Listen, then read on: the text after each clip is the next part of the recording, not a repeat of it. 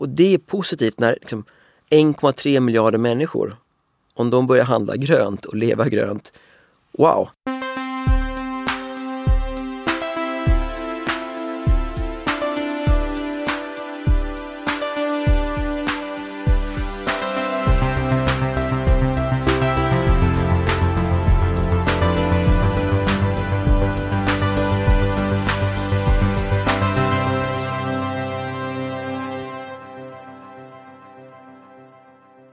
Hej på er, det här är Christian von Essen och podden som heter Heja Framtiden där vi försöker lägga någon slags oändligt pussel av insikter och visioner kring framtiden.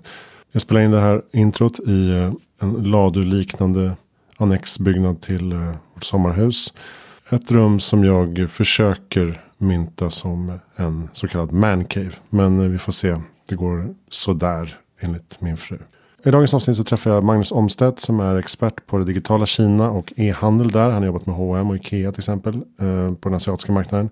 Jag vill bara kort poängtera att vi inte kommer att ta upp så mycket regimkritiska frågeställningar i det här avsnittet. Utan eh, Magnus expertis ligger inom e-handel och hur man som svenskt och europeiskt bolag kan ta sig in på den här svårnavigerade asiatiska marknaden. Och framförallt den kinesiska.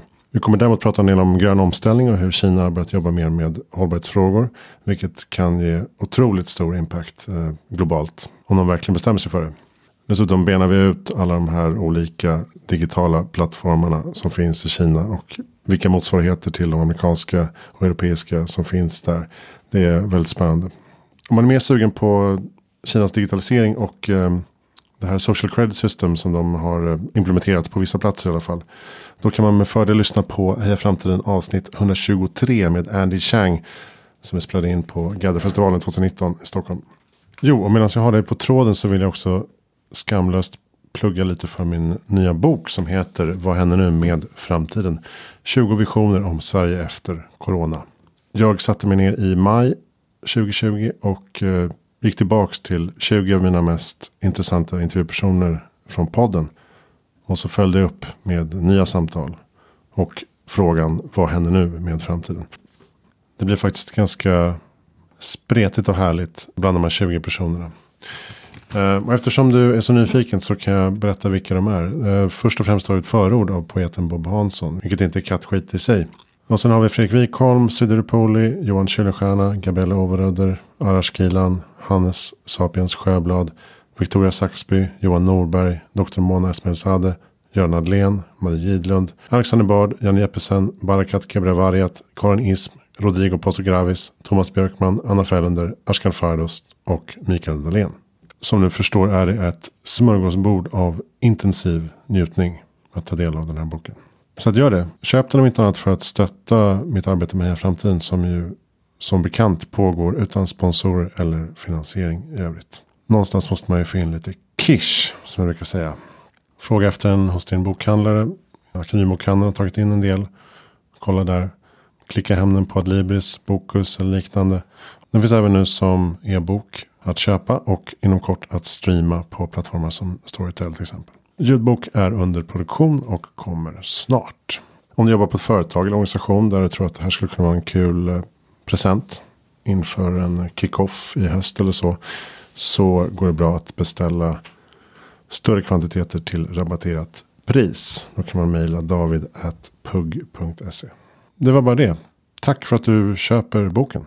Du är fantastisk. Då släpper vi fram Magnus Omstedt och en timmes snack om Kina. Varsågoda. Heja framtiden.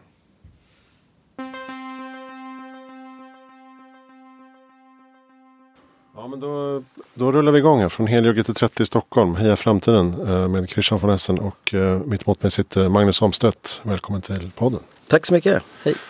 Idag ska vi prata om framtiden för Kina och e-handel och retail. Tänkte vi. Bland annat. Spännande. Det är mina favoritämnen så det blir nog bra. Vilken tur Ja. att just du kom. Du driver något som heter Tritanium Ventures. Yes. Kan du berätta lite vad det är för någonting? Det är ett företag som hjälper eh, framförallt europeiska brands att sälja online i Asien. Väldigt stort fokus på digitala plattformar i Kina. Så vi hjälper en hel del lifestyle och fashion brands men även kosmetik att ta sig in på de här digitala plattformarna. Och hur hamnade du där? Och du gjorde någon slags praktik i Hongkong va? från början.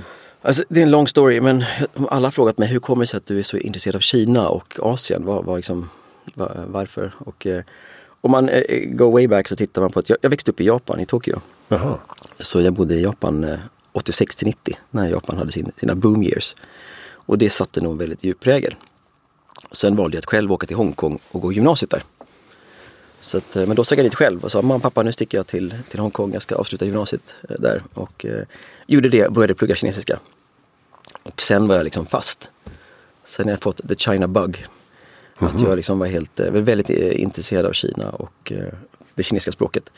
Och bestämde mig liksom där och då, jag måste lära mig mandarin. Så sen pluggade jag i Peking ett år, 97.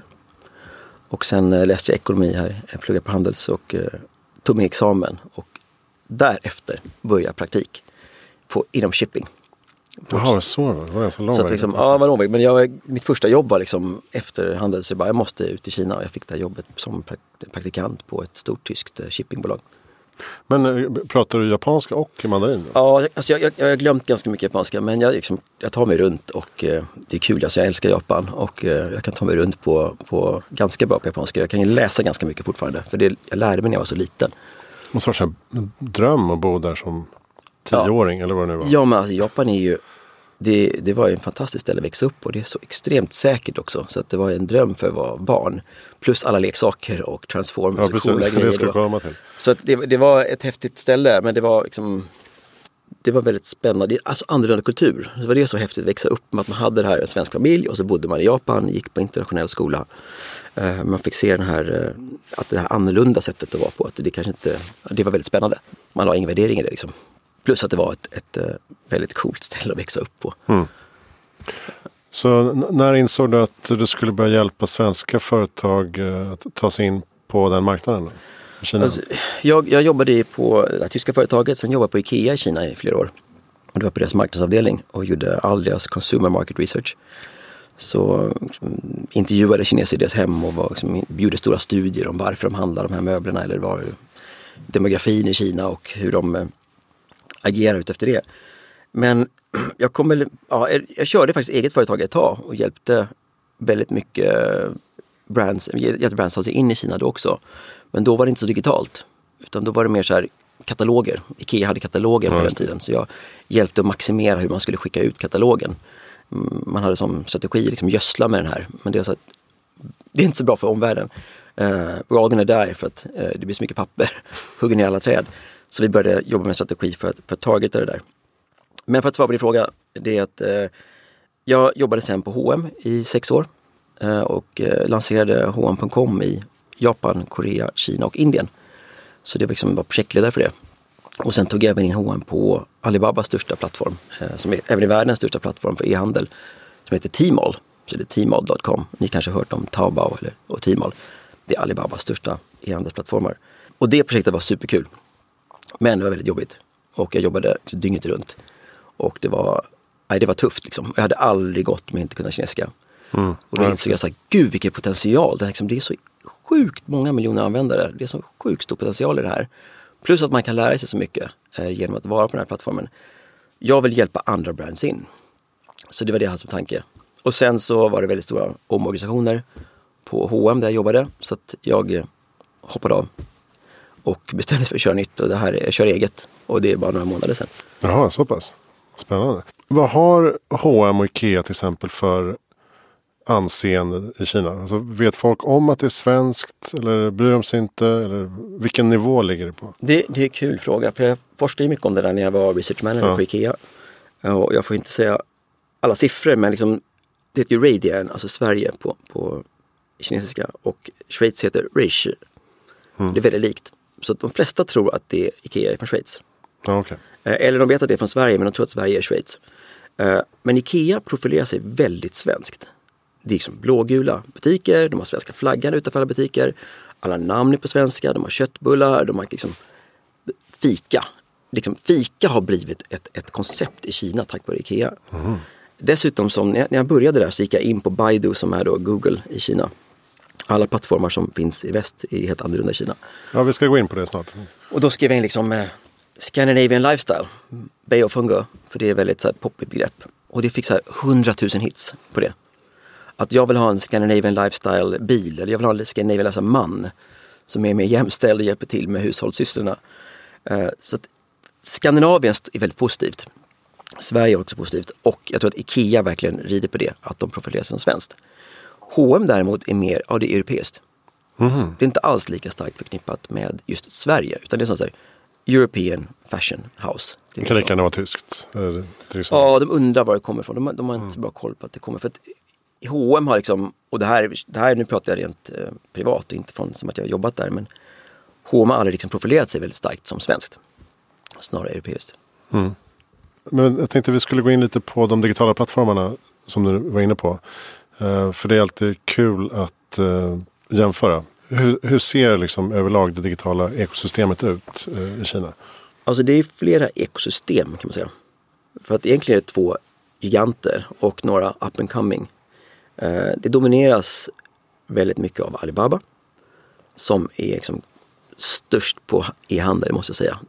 Framförallt på fashion och lifestyle och kosmetik, de, de områden jag jobbar med. Det är han Jack Ma.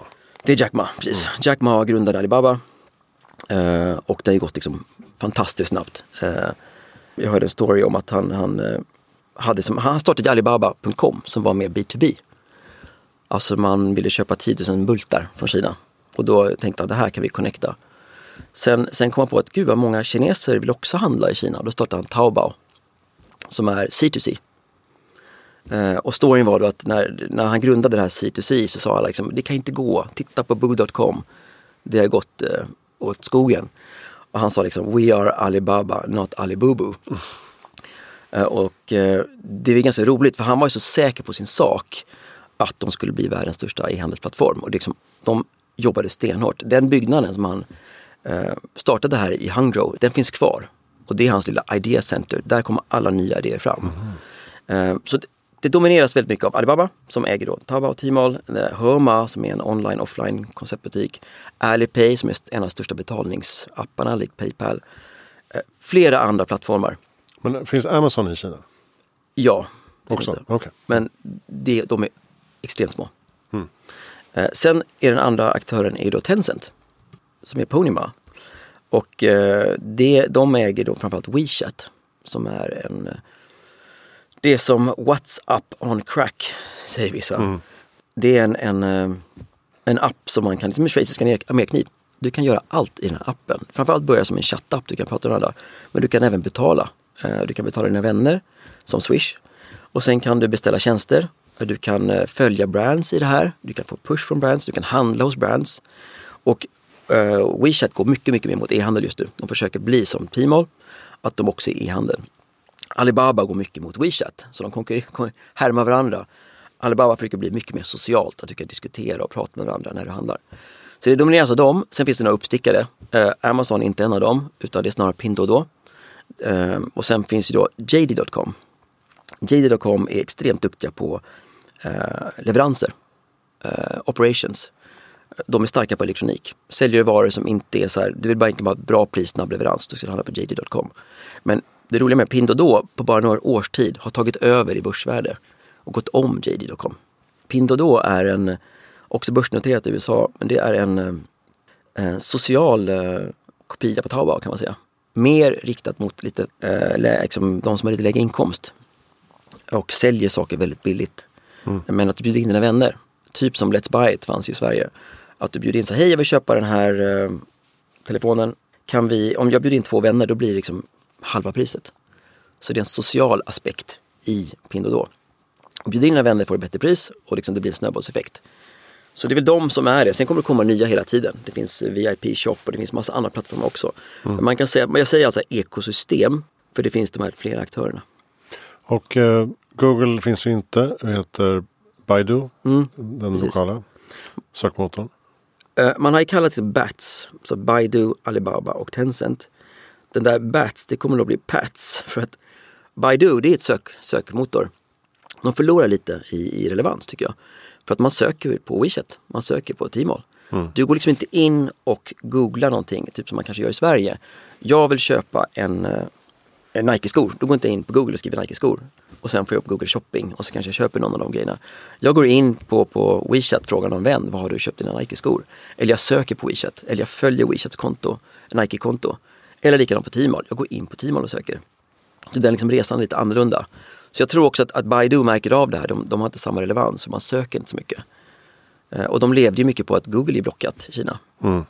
Och Twitter finns inte. Nej. Facebook inte. Instagram inte. Nej. Det finns eh, lokala eh, varianter och det, de kallar det här C2C, Copy to China. Men det blir så här, copy to China and make it better, make it more social. Mm. Jag tittade på en annan plattform, heter Little Red Book. Det är eh, också som Instagram, men mycket mer interaktivt. Eh, det är fler, mycket mer videomaterial, precis som du kan lägga upp på Instagram också.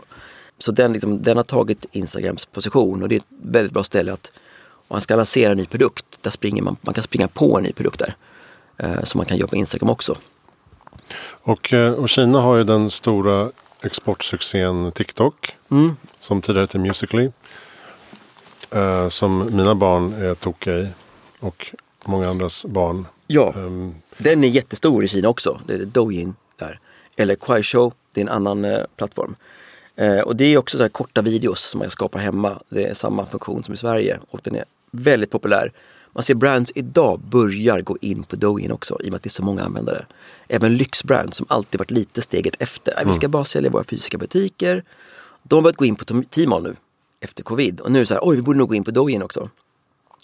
Och igår, eller förrgår såg jag att JD.com som jag nämnde innan, som är liksom den kämpande e-handelsjätten som försöker liksom catch up och försöker bli lika stor som Alibaba. De gick ihop med Kuaishou som också är en Eh, lik, en sån, lik Douyin då, en, en eh, social plattform. De har gått ihop för att alla ser det här i Kina och det är det som är kul när man tittar på framtiden att e-handel blir väldigt socialt även här. Och det, Kina ligger i, i framkant där. Man liksom interagerar med, med andras shoppare när man handlar. Och därför blir den här, de här Douyin och de här short videos väldigt eh, relevanta. ja, precis, och så är målgruppen ganska påverkansbar också. Ja, alltså, och det, det har jag fått frågan förut. Men varför är det, tittar man så mycket på, det kallas KOLs, Key Opinion Leaders i Kina. Varför tittar man på dem som är varför kan man inte bara besluta själv vad man ska köpa? Bloggar är stort i Sverige också. Man följer en influencer och kanske köper någon produkt de promotar. Men i Kina är det ännu större. Och min teori är att man har blivit så bombarderad av olika varumärken. Och vilken stil man ska ha, hur man ska se ut, hur man ska vara. Är man ung och kanske vill vara lite cool kid, då tittar man på influencers. Man följer dem man tycker det ser upp till. Och då om de promotar någonting, en ny sko till exempel från Nike, då köper man den. För att man, liksom, man har fått en, en, ett kvitto på att det är den rätta grejen. Och då liksom, det kan bekräfta ens egen stil. Och det är liksom, jag tror att den där how to, hur man ska göra, hur ska man se ut. Den, den strävan är väldigt stor i Kina nu. Man liksom har så många möjligheter. Man har växt upp eh, bara ekonomisk tillväxt. Man har liksom fått eh, det bra ställt. Man har mycket pengar. Man har föräldrar som allt, har bara ett barn. Så att man har mycket att röra sig med. Då vill man liksom också vara, ha rätt grejer. Och då följer man liksom de här bloggarna.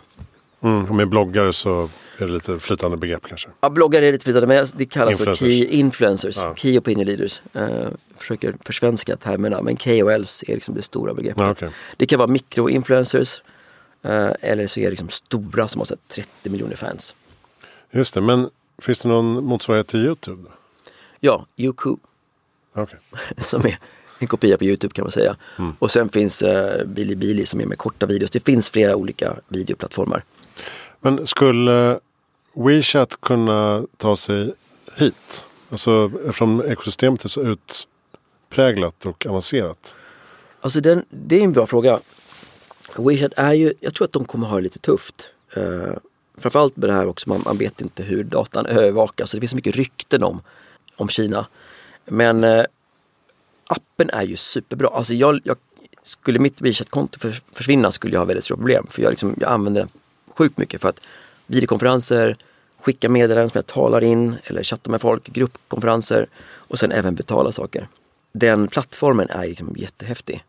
Och de skulle nog kunna komma till väst, men jag tror att de skulle behöva branda om sig. Eller liksom eh, också connecta mot andra plattformar eh, som är stora i väst. I och med att det, ingen använder liksom WeChat. Fördelen med WeChat är att alla har den här appen installerad på sin telefon. Det kommer oftast förinstallerat. Jag köpte en Huawei-telefon. Såklart WeChat är förinstallerat. Så att det är väl det som blir en hurdle i väst, att de måste få alla ladda ner appen. Mm. I Kina så alla har den, alla har någon Tmall-app eller Alibaba-app. Ja, och som du säger med övervakning också, där vet man att det här är, det är så. Alltså det finns ingen, ja. finns ingen möjlighet att ifrågasätta. Nej, det, det är så att det är, du får inte prata om, skriva om allting. Nej. Uh, så att de flesta undviker ju politik just i de apparna som är bevakade. Och vi, ska, vi ska lägga in kanske brasklappen att du är ju inte här i egenskap av någon slags Kina expertkommentator på politiska läget. Nej, uh, nej jag kan ha mina egna åsikter. Men, men nej, jag är ingen politisk kommentator. Det finns många, många bättre människor som kan det där mycket, mycket bättre. Jag är liksom väldigt intresserad av Kina men jag är fokuserad på e-handel. Men en, en sak som vi skulle kunna prata om det är ju hållbarhetsaspekter och liksom grön omställning. Där jag tycker man ser att det finns enorm potential. Om Kina bestämmer sig för någonting så gör man det till liksom 110 procent. Hur tycker du att den utvecklingen ser ut där? Men det är intressant, vi har ju varit i Kina väldigt länge, så jag har varit där sedan 97. Och då brydde man sig inte så mycket om miljön alls. Det var liksom, ja, det, det, vi måste ha tillväxt, ekonomisk tillväxt. Vi har miljoner människor i fattigdom och vi måste skapa jobb för dem. Det spelar ingen roll om fabrikerna släpper ut dålig luft. Liksom, det spelar ingen roll om vi försurar våra egna sjöar. Det spelar ingen roll om vi förstör våra egna skogar. Vi måste bara växa, växa, växa. Och så fort väst sa någonting så här, ni får inte kritisera Kina för att vi måste ha utveckling. Eh, och jag, jag jobbade inom shipping så att jag fick besöka någon sån här stor anläggning för oljecisterner där det kom stora tankskepp. Och det var en helt ny anläggning och de bara, titta vad vi har byggt. Liksom, det här står allt ni har i väst. Största skeppen i världen kan ligga till här och fylla på olja och, och eh, leverera rakt in liksom, via pipelines in till Kina. Och, och jag bara så här, what the fuck have you done? Liksom. Pardon my French. Det här är liksom, ni har kopierat oss men helt fel. Ni måste tänka liksom framåt, det här är inte framtiden. Och det har Kina verkligen sett nu. Eh, på grund av, eller tack vare, de här miljöproblemen de själva haft. Helt plötsligt så kom man till Kina och man såg inte sin egen hand framför ansiktet. Mm. Alltså det var så tjock smog i Peking. Jag kom tillbaka också när jag, när jag jag bodde i Kina ganska många år, sen var jag tillbaka i Sverige och jobbade på H&M i Sverige. Så alla de här e-handelsbutikerna lanserade jag från Sverige. Men jag var i Kina ganska mycket. Och när jag kom till Shanghai liksom kunde inte se ut ur mitt hotellrum. Också, så här har det inte varit, vad har hänt? Och jag tror att det var så tipping point. Eh, där man såg själv och invånarna så här, vi har fått det så mycket bättre, vi kan bestämma liksom var vi ska jobba, vi kan tjäna pengar hur vi vill, vi kan driva egna företag. Men vi kan inte andas luften. Någonting måste göras. Och då vaknade Kina upp ännu mer och vi måste göra den gröna omställningen. Alltså alla elbilar idag görs i Kina. De har verkligen lagt full fokus på att ställa om och också fått insikt, fan vi har ju förstört våra sjöar, vi har förstört mycket av vår, vår egen miljö. Nu måste vi börja skydda. Sen är man väldigt tillväxtfokuserad. Men Kina kommer absolut take the lead när det gäller gröna omställningen. Att göra liksom elfordon, elbatterier, vätegasbilar och även att, att börja tillverka mer eh, miljövänligt. Det jag ser som jag tycker är intressant för Kina det är just, jag pratar med liksom, e mode och den branschen jag jobbar i. Det finns två saker jag ser. En är positiv och en kommer bli lite tufft för Kina. Det positiva är att många av fabrikerna i Kina börjar liksom sälja direkt på de här plattformarna. Och de kan liksom förutse vad trenderna är. Mm. Istället för att man tänker så här, vi ska sälja en röd tröja med V-krage och långärmat. Och så tar man fram miljoner sådana plagg och så hoppas man att folk köper. Och så jobbar de flesta fast fashion retailers idag. Gamla sättet. Vi köper, trycker ut i våra fysiska butiker, folk kommer och handlar, yay. Det funkar inte så idag.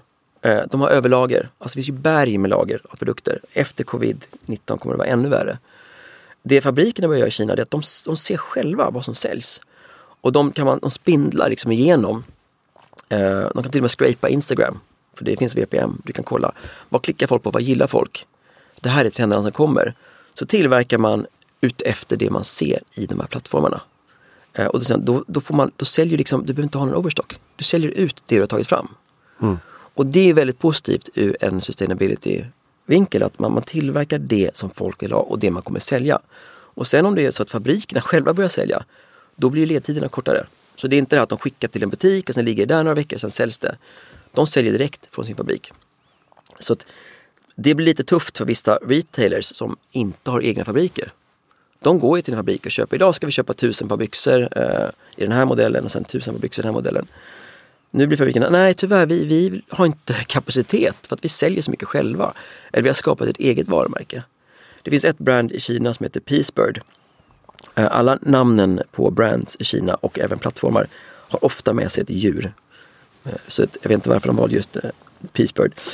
De är väldigt responsiva. De, liksom, de har så predictive production. Att de tittar vad som trendar, tittar vad som säljs och kan inom tio dagar göra den produkten. Mm. Och sälja det. Då liksom, innan ens liksom H&M eller Gap eller ett stort modehus har släppt en produkt har de redan sett. De likar den här. Wow, det här brandet tog fram den här coola produkten. De gör liksom en liten kopia på det.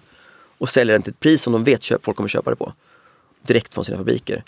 Så det är ju bra ur miljöaspekt att det inte blir överlaga produkter. Ja, verkligen.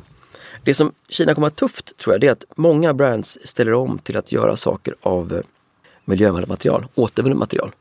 Eh, organisk bomull, återvunnen, eh, återvunna fibrer. Och som min, min före detta arbetsgivare tycker jag är duktiga på det. Att de, 2030 så ska de liksom ställa om så att alla deras eh, produkter är gjorda av någon, något som är återvunnet. Och det finns i Kina idag, vad jag vet, inte några stora an anläggningar för att återvinna fiber. De ligger i Europa, i Tyskland. Mm -hmm. Eh, och då har du massa fabriker. De måste ju få tag på det här materialet. De kan inte importera från Tyskland återvunnet material för att tillverka återvunna kläder och skicka, skicka tillbaks till, till Tysk Tyskland som är en stor marknad. Så där måste nog Kina liksom inse att de måste fylla upp den, det, det behovet och börja göra liksom stora återvinningsanläggningar för textilier. Mm. Eh, de, där, där ligger väst lite i framkant tycker jag. Och liksom, vi hade ett möte med, det var några politiker som ville träffa, träffa mig när jag jobbade på H&M. Och det var det som jag skickade med dem. Så här, om ni vill vara the leader in liksom, att jobba med återvunnet material, då måste ni ha de råvarorna. Det kan ni inte importera från Afrika eller från andra länder, det måste göras i Kina. Och det, det fattar de direkt. Så här, hmm, just det. För att mm. Partiet i Kina är väldigt progressivt ekonomiskt. De tänker så här, vi, ska, eh, vi måste gynna Kinas ekonomi. Det är väldigt mycket Make China Great Again. Eh, man är väldigt fokuserad på att göra Kina bra och stärka ekonom ekonomin. Så de är på idéer där de fattar så här, oj om vi inte gör det här så kommer någon annan göra det. Ja, och det kan väl vara utmärkt då att de stora idéerna handlar om grön omställning och hållbarhet. Ja, men Kina måste ju göra det. Alltså, Kina och Indien. Indien gör ju inte så mycket på området. Ja, solenergi är de bra på. Okej, okay, ja, jag, som sagt jag är inte miljöexpert men jag, jag ser ju bara mina egna ögon mm. där. Jag har jobbat mycket med Indien också. Att eh, Kina har insett, kanske tack vare den här att de hade så många problem med dålig luft, att de måste ställa om. Så att de jobbar med att få liksom, bättre bilar, eh, miljövänlig produktion och ställer om. Och när de väl satsar så gör de det all in. Liksom, det är inte lite som, som Trump, är så här, ah, vi ska börja med fracking av olja, vi ska liksom börja med bilindustrin. Han vill liksom gå tillbaka, liksom back to the future, eller vad heter det? Full fart bakåt. Kina är så full fart framåt. Och de gör det för att de ser den ekonomiska möjligheten och att de kan ta och sen att de måste också rädda sin miljö. Det blir så himla påtagligt. Och det är positivt när liksom 1,3 miljarder människor, om de börjar handla grönt och leva grönt. Wow, då, now we're talking. Vi pratar om att miljö, vin, återvinna liksom kapslarna på, burkar, på flaskorna i plast i Sverige och lägga glas i ena, ena återvinningskärlet. Det är liksom a piss in Mississippi om man jämför med, med vad Kina kan göra. Eh, så det är jättehäftigt det som sker i Kina. Jag menar med Indien, de vill säkert också göra men de har liksom, jag tycker inte de har så många eh, börjat ställa om. De skulle bara, de har svårt att rulla ut stora saker. Det, det är olika eh, liksom man säger, län, de har väldigt mycket självbestämmande. Det är svårt att få igenom beslut. Alla taxibilar eller så tuk-tuk som kör runt i Kina skulle potentiellt kunna bli elbilar. Det finns ju elbil, el-tuk-tuks. Mm. Det skulle påverka luften drastiskt i storstäderna. Men det går inte att rulla ut ett sådant projekt. Nej precis, och där, är, där är Kina lite mer eh, om man ska säga auktoritära också. Ja. Att de kan faktiskt bestämma att från och med imorgon så kommer det bara finnas el-tuk-tuks. Yes, det är det som Indien kan inte riktigt göra samma sak. Nej, det är skillnaden. Indien är ju faktiskt en, en demokrati. Men eh, jag tänkte på fabriksförhållanden. Jag, min känsla är att även den sociala hållbarheten börjar bli bättre. Alltså arbetsförhållanden i, i fabrikerna. Är det, är det en bild du eh, delar? Alltså jag, jag har, eh, det där finns experter på också. Eh, men jag, jag tycker att det, det är så när alla pratar, om det är barnarbete, barnarbete är liksom eliminerat, det finns inte. För att kineserna vill inte att barnen ska jobba i fabrikerna. Och det är tuffa arbetsförhållanden, de jobbar stenhårt och dubbelskift så det är tufft. Men jag, jag, om man jämför med andra länder är, är, är, är mycket bättre i Kina. Och, eh, Jag har besökt en hel del fabriker och tycker det sett ser bra ut. Men, men som sagt, det finns experter på det här som kan mycket, mycket mer. Mm. Nej, men de, de jag har haft med några i podden och eh, en insikt är att fabriksägarna själva börjar inse att de får bättre produktivitet och eh, nöjdare ja. arbetare om de behandlar dem lite mer Absolut. Alltså, den stora grejen är att de kan inte behålla sin arbetskraft. Det är svårt att locka till sig folk som vill sitta dubbelpass i en mekanisk fabrik. Om det är dåliga arbetsförhållanden, drar de. De vill hellre jobba i serviceekonomin. De kan leverera paket åt Alibaba istället, få samma betalt, vara ute i luften och inte liksom jobba lika hårt. Eller de kan starta eget bolag eller köra någonting. Så de, de, måste vara måna om sin personal. Det tycker jag är en stor trend i Kina. Att, när jag kom till Shanghai, det, det är inte en fabrik visserligen det här, men det, det är ett liksom talande exempel. Alla taxichaufförer i Shanghai är shanghaneser. Alla var såhär, ni är Var kommer du ifrån? Uh, jag är från Sverige. Ni är frågade jag tillbaks. De bara, Shanghai? Såklart jag är från Shanghai. Mm. Alla taxichaufförer i Shanghai är shanghaneser, för det var ett väldigt bra jobb.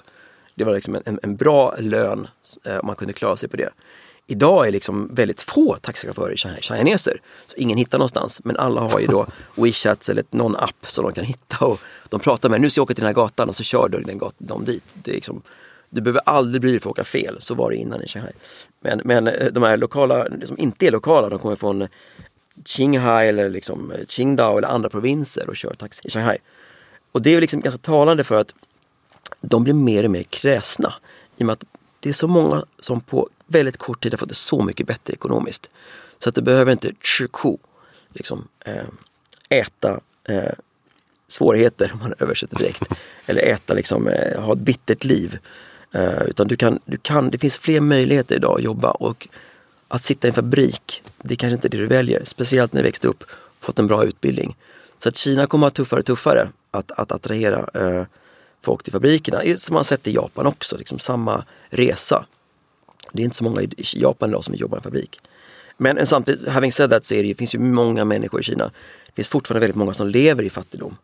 Eh, det finns flera hundra miljoner människor som lever på 1,82 dollar per dag. Så det finns en stor liksom, grupp som, som, kan, som gärna vill jobba i de här fabrikerna men de måste tänka på arbetsvillkoren också. Vad tycker du att eh, svenska varumärken kan lära av eh, Kinas utveckling då? Vi är inte så himla vassa på e-handel ännu i Sverige. Alltså, jag tycker Sverige är liksom duktiga på, många, det finns många duktiga e-handlare. Eh, men det är inte storbolagen utan det finns plattformar som har kört eh, lite Zalando-kopior och, och, försökt liksom, Eh, man tittar på Apohem och vissa stora apotekskedjor och de, de har varit så här nytänkande, de var digitala från början. Så jag tror så här D2C, Direct to Consumer. Det finns många duktiga brands som bara, vi, vi skippar alla led direkt från vår fabrik eller direkt från vår leverantör och säljer i plattformar i Sverige. Och så gör vi mycket influencer marketing. Det är de varit duktiga på. Men Kina ligger fortfarande i framkant. För att det är fler som handlar, det är en större andel som handlar online i Kina än i Sverige. Eh, och sen är Kina väldigt duktiga på det jag kallar hyperconvenience, att det är väldigt smidigt. Du scannar en QR-kod, du betalar med WeChat, du får levererat väldigt fort. Och Kina har ju också liksom en, en um, stor andel människor sysselsatta inom servicenäringen. Du kan, ha, du kan få ett paket levererat för 10 yuan som är 12 kronor. Du kan få eh, liksom, en, en eh, klack fixad på din, din sko på liksom, Eh, fem minuter om det går till någon. Han gör det för 10 kronor också.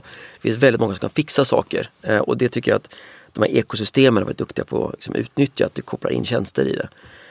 Jag tror att eh, Sverige har en del att lära i med hur man kan göra det mer socialt, som Kina är väldigt duktiga på. Att du delar med dina vänner. Handlar du på Starbucks, scannar du med en WeChat-kod eh, eller betalar med WeChat, då får du liksom en liten rabattkupong som du skickar till din vän. Och det är ju schysst. Här får du 10 kronors rabatt på en Starbucks-kaffe. Och då går ju den och handlar en Starbucks-kaffe. Sen skickar han vidare den kupongen till nästa person. Så den där skapar den här snöbollseffekten för att driva in mycket kunder. Där tycker jag Kina är, är duktiga på. Så att de är, är liksom duktiga på att göra det smidigt. Smoother than Klarna, som jag brukar säga. Eh, de gör det väldigt smidigt så, man ser liksom i realtid hur man kan göra allting. Och sen är de duktiga på att sprida det socialt. Plus att också tänka liksom omnikanal. Och där ligger Kina också i framkant. Uh, att du kan gå till en butik och egentligen, du kanske beställer det. Uh, det finns ett företag som utvecklar jättekola robotar som finns i Uniqlo-butikerna. Och du beställer från den här roboten antingen kan den röra sig och visa dig var produkten finns i butiken. Eller så köper du det online i roboten och får det hemlevererat. Eller köper det online i roboten och får det levererat på utgången, när på vägen ut. Mm. Så liksom lite coola, lite science fiction kanske, men jag tror att det kommer gå mycket mot att eh, fysiska butiker eh, liksom blir lite komplement till e-handeln. Eh, du kanske vill klämma och känna där, men framförallt är det som ett servicecenter för att liksom facilitera e-handel. Ja, det där, det där pratar vi om. Jag har precis skrivit en bok nu om eh, Sverige efter corona. Eh, vad händer nu med framtiden? Och där intervjuar jag Göran Adlén som är trendspanare. Och han säger just det med, med den svenska retailbranschen. Att, att många är så fast i sina fysiska butiker och så franchisetagare. Mm. Så att när skon inte finns inne så ser de bara skon finns inte inne i din storlek. Jag kan ta hem den om mm. tre veckor om du, om du vill.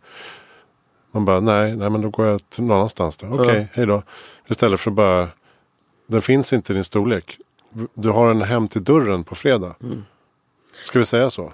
Ja, men det, ja, det där är en jättebra spaning, jag håller helt med dig. Jag tycker att där är Kina duktiga. För att du ser på Tmall till exempel. Det är väldigt mycket hits som säljer på Tmall. Tmall är återigen då Alibabas största e-handelsplattform. Eh, och hits är att det är en produkt som en KOL kanske har eller promotar eller liksom din hero product. Och den säljer ju slut. Du kan sälja eh, ett, Maybelline sålde en miljon läppstift på några, liksom en timme. Och du kan sälja, H&M sålde liksom eh, väldigt mycket liksom, på korta tider. Men den produkten finns ju i butiker.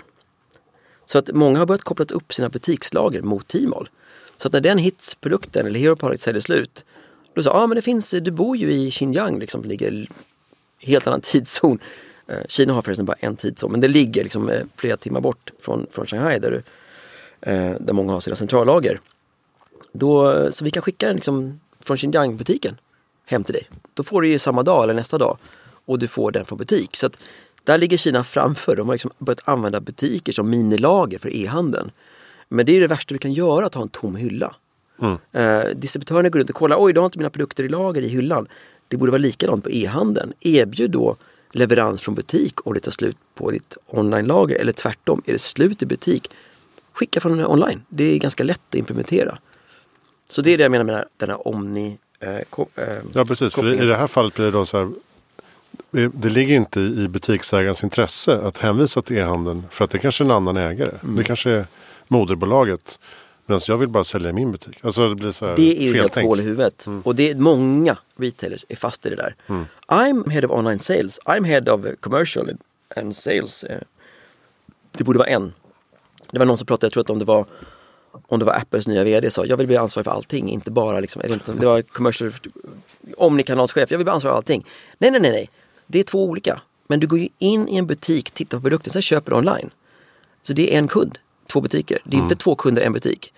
Så att där tycker jag att retailers, de som inte har ställt om till det, de är screwed. De kommer ha jätteproblem. Uh, för att det är bara liksom, du måste bara tänka så här, en kund, flera kanaler hur kan vi maximera att eh, exponering och försäljning mot de här kunderna som, som hoppar mellan kanalerna. De bryr sig inte om det. Det är likadant, liksom, jag, går, jag går till Ikea om jag ska lämna tillbaka någonting på Ikea. Då bara, ja men eh, jag var där häromdagen och gjorde reklamation på en sak. Så bara, hej jag ska lämna tillbaka den här. Yes, ja, jag pratade med kundservice. Ja, du får ringa dem igen. Du får prata med kundservice igen. Så jag bara, men, men oj förlåt, det står inte kundservice på den här skylten här. Jag spelar lite dum, eller har jag kommit till fel lucka? Nej, vi är kundservice, vi är kundservicebutik. Och, och, du måste prata med kundservice på telefon. Jag bara, okej. Okay. Då är man lite fel tänk. Och jag tror att folk jobbar i sina silos fortfarande. Och där menar jag att svenska brands som börjar direkt digitalt, de blev inte det. Nu tittar de kanske på öppna butiker. Men de har bara mm. tänkt en kund, en kanal. Liksom. Nu tänker de så här, oj vi lägger på en butikskanal. Jag tror säkert att en del eh, butikskedjor kommer bli uppköpta nu av eh, online gänget. Yes, det, och man tänker, om, om, man gör det på ett bra sätt, man tänker nu ska jag köpa upp butikskedjor. Det ska bli så här utlämningsställen för produkter. Och det ska bli minilager för produkter. Det ska bli allt. Alltså showroom ja, och... Showroom och minilager. Men tänk så här, det är väldigt svårt att konkurrera med, med någon av de stora eh, e-handelsaktörerna för, för kosmetik. Eh, Apohem och Apotea. Däremot så, så många apotek har ju många butiker i hela landet kopplar de upp de här butikerna mot sin egen e-handel, då kan de leverera inom en timme. Eller bara pick up in store. Och det är många börjar göra det. Så att Jag tror absolut att butiken har fortfarande relevans för att liksom, det gör att du kan gå och hämta någonstans. Men det kommer nog komplettera e-handeln snarare. Mm.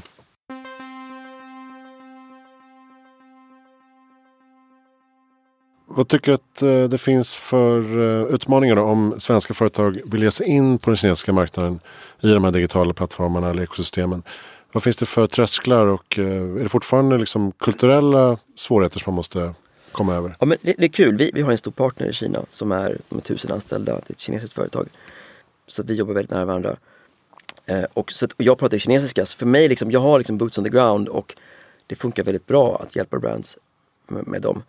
Men när jag pratar med andra kunder som, som kanske så här, det är lite mindre brands som vill in. Och eh, de vill bara träffa mig och ha lite, så här, lite gratis info, märker man. Så pratar man och då tror de så här, det är så lätt. Det är bara att hitta en partner, eh, en teamart-partner och vi signar kontrakt med dem och så skickar vi våra varor så säljer de. Och jag försöker förklara att det är inte så här lätt. Du måste tänka liksom hela din logistikstrategi, vilken kanal, hur ska du marknadsföra den? Alla de leden. Det är inte så lätt som man tror. Många kunder tänker så här, men det, det är liksom bara lite som i Sverige, man, man signar ett kontrakt så kör vi. Eh, det är inte det. Så att man måste tänka på att man, man jobbar med liksom någon bra eh, lokal kontakt som faktiskt kan Kina. Eh, och det bästa är att försöka och testa lite så inser man hur svårt det är. Det är en hel del kulturskillnader. Och där ser jag liksom lite, lite min roll när jag, när jag jobbar mot, mot mina kunder, att jag blir någon typ av brygga. Jag kan liksom jag måste managera kunder, jag måste managera partnern också. För att partnern kan komma och säga, vi gör så här nu. Ja men det här har vi inte sagt innan, vi kan inte komma med ett, ett, ett nytt pris eller en, en ny liksom, idé helt plötsligt när vi, det här är vår strategi. Nej okej, vi, vi får anpassa oss. Man blir lite brygga mellan de båda. Mm. Och jag, jag gillar väldigt mycket jobb med kineser för de är så sjukt på entreprenöriella. Och de är så sjukt lösningsorienterade. Det finns workarounds för allting. Vi, om vi har problem med någon importlösning för en kund. Eh, Men då kan vi göra så här, för min kompis han har ett importbolag. Så vi kan göra, lösa det på det här sättet. Man är väldigt lösningsorienterade.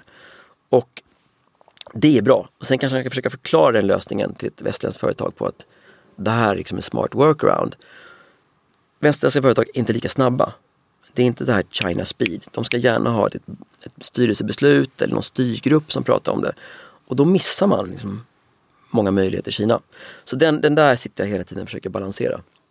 Okej, okay, så det, det, det, är inte nödvändigtvis att man måste ha de här massa möten och kallprat och äta på restaurang och jo, spela jo, golf. Alltså relationer är ju allt i Kina. Mm. Du måste ju lära känna, jag, har ju lärt känna min affärspartner. Eh, vi har många möten där. Men det är superviktigt. Och jag har insett alla mina kontakter som jag behållit relation med via WeChat mycket då när jag varit i Sverige.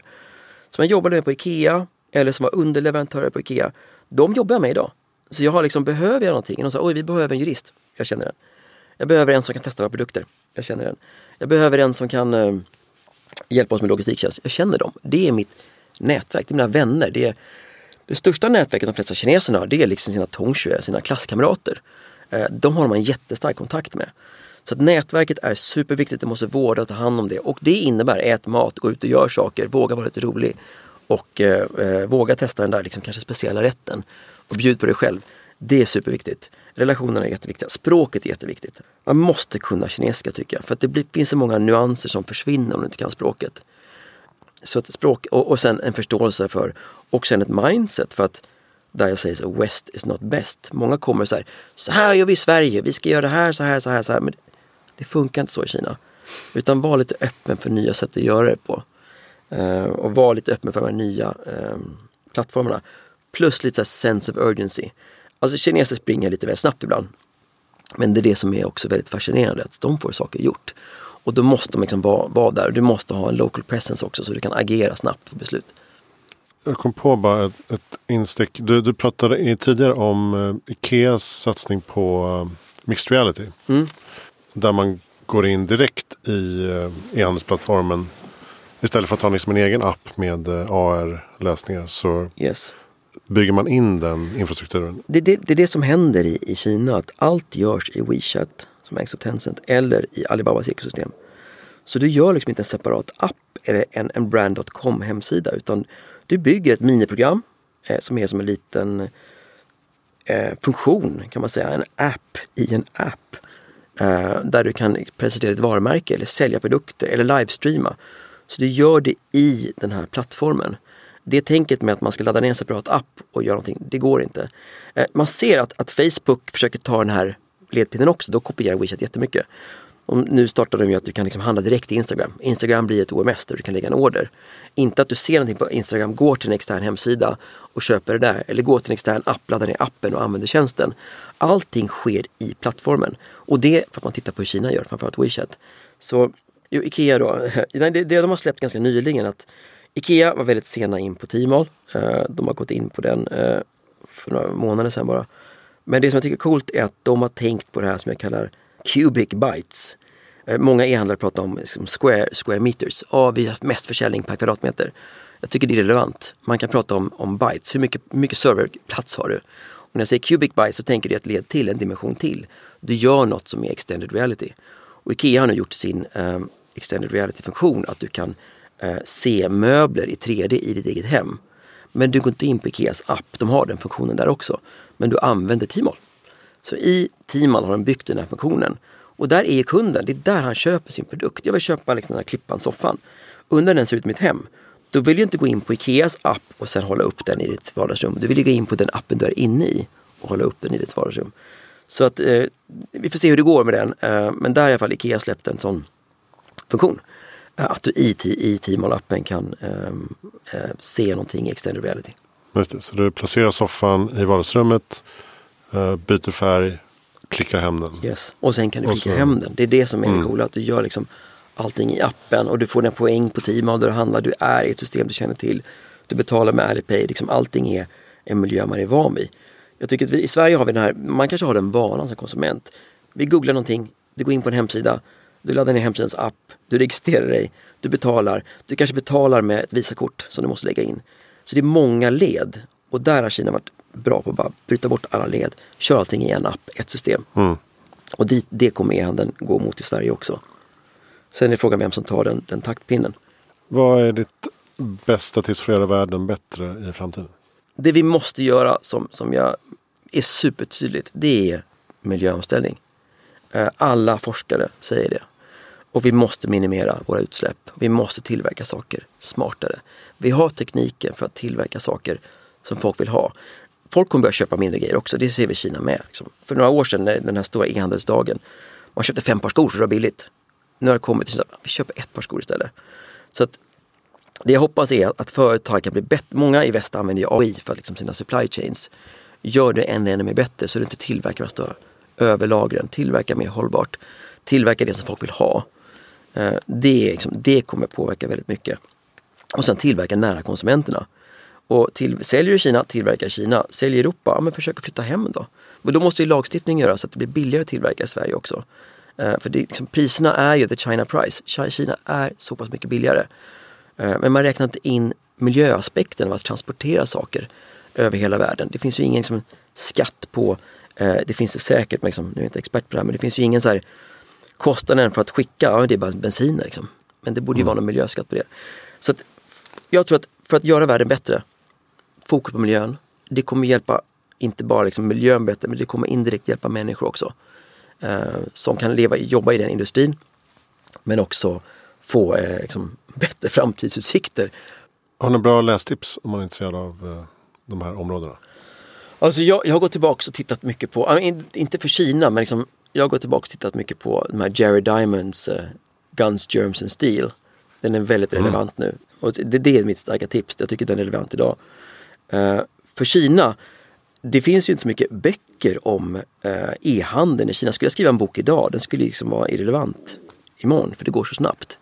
Så att, snarare man går in på liksom techinasia.com, det är en bra blogg att följa. Uh, eller lyssna på, på poddar. Jag har inte så bra liksom, böcker än så länge. Jag, jag, jag, har en ambition att skriva om Kinas digitala plattformar någon dag. Men jag tror att det får bli ett annat format. Det måste vara ett format som inte är en, en bok. Mm. Vem tycker att jag ska intervjua? Kan du intervjua någon av, av eh, vdarna eller någon som jobbar med operations på någon av de här stora plattformarna i Kina? Men det, det hade varit mäktigt att ta in eh, ja, jag tror att de är svåra att få tag på. Men man skulle ta en sån här uppstickare som Pinduoduo och ha någon som jobbar med det. Och, eller ha ett brand som säljer på Pinduoduo. Eh, ryktet är nu att, att eh, Apple säljer sjukt mycket på Pinduoduo. Sen om det är officiella kanaler inte vet vi inte. Men Jag skulle intervjua eh, eh, någon av, av eh, vdn eller någon operations manager på någon av de stora plattformarna i Kina. Mm. Bra, vi avrundar där. Tack snälla Magnus Holmstedt för att du kom till Heja Framtiden. Tusen tack för att jag fick vara med. Och eh, du finns på tritaniumventures.com. Eller, ja. Yes. Spännande, lycka till vidare. Tusen tack. Eh, hoppas att eh, Kina öppnar för dig snart. Ja precis. Nej, men nu är det, om man åker dit ska man ju vara i karantän två veckor. Men som sagt, min, min, min, min bästa beslut är att partnera upp med den här partnern i Kina för att de har ju folk på plats. Och eh, vi har jobbat så mycket remote ändå. Vi har kört allting via, via WeChat och haft mm. telefonmöten konstant. Och det blir lite jobbigt med tidszonerna. Men, men det är liksom min, min stora räddning att, att jag inte är så beroende av att jag själv måste vara där på plats. Utan jag ska vara här och representera dem, dem i Norden. Så att det blir en väldigt bra kombo. Bra. Hör av dig till Magnus om du vill sälja saker i Kina. Online i Kina. Online. jag heter Christian von Essen. Det här är Heja Framtiden. Finns på hejaframtiden.se. Tack för att du lyssnar på detta. Och eh, glöm inte att eh, kolla in boken som heter eh, Vad händer nu med framtiden?